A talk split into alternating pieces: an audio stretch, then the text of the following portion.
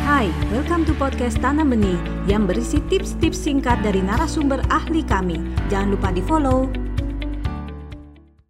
Berkaitan dengan isu banyak anak yang tidak mau mendengarkan orang tua ya.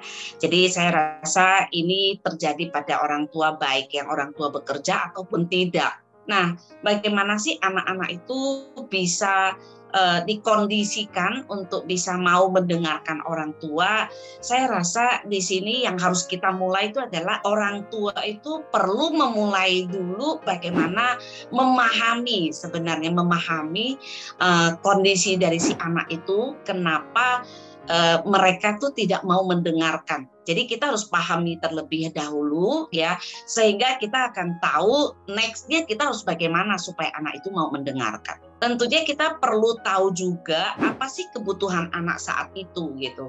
Nah misalnya contoh ya, kalau kita mau anak itu mandi misalnya ya, tapi kok dia tidak langsung gitu kayak kita minta dia mandi gitu. Nah, mungkin aja anak itu dalam situasi yang dia lagi males mandi misalnya gitu ya. Nah, kita sebagai orang tua boleh loh kita bertanya, oke, okay, kamu mau mandi berapa lama lagi, mau berapa menit lagi gitu. Jadi kita coba menghadirkan satu komunikasi dua arah. Jadi kesannya tidak kita hanya memerintah dia gitu, tapi kita perlu mendengarkan kenapa anak kita itu saat itu belum mau mandi gitu. Nah, si dalam situasi anak tuh merasa bahwa dia tidak hanya diperintahkan, tapi dia dikasih ruang untuk dia boleh uh, berbicara, dia dikasih ruang untuk dia boleh boleh didengarkan gitu ya. Nah anak itu misalnya bilang oke okay, saya akan mandi 10 menit lagi. Jadi gak apa-apa kita sebagai orang tua memahami kalau anak pada saat itu dia tidak mau mandi tapi dia butuh waktu. Nah butuh waktu itulah ya yang kemudian membuat si anak itu merasa bahwa dia perlu menepati janjinya dia 10 eh, menit lagi.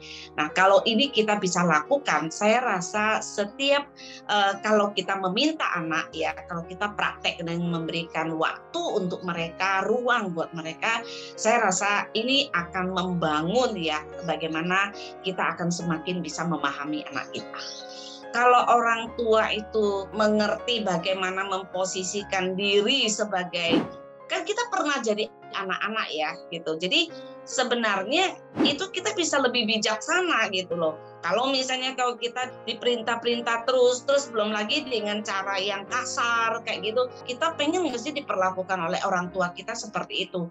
Kalau kita nggak mau, justru menurut saya itu adalah cara yang sangat tepat sekali ya buat kita itu introspeksi sebelum kita memperlakukan anak kita gitu kalau kalau konsep ini dipakai oleh orang tua yang bekerja maupun tidak bekerja itu semua sama gitu loh.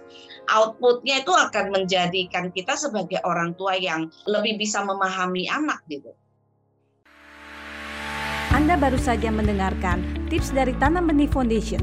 Mari bersama-sama kita terus belajar untuk menjadi orang tua yang lebih baik demi generasi yang lebih baik. Jangan lupa follow podcast kami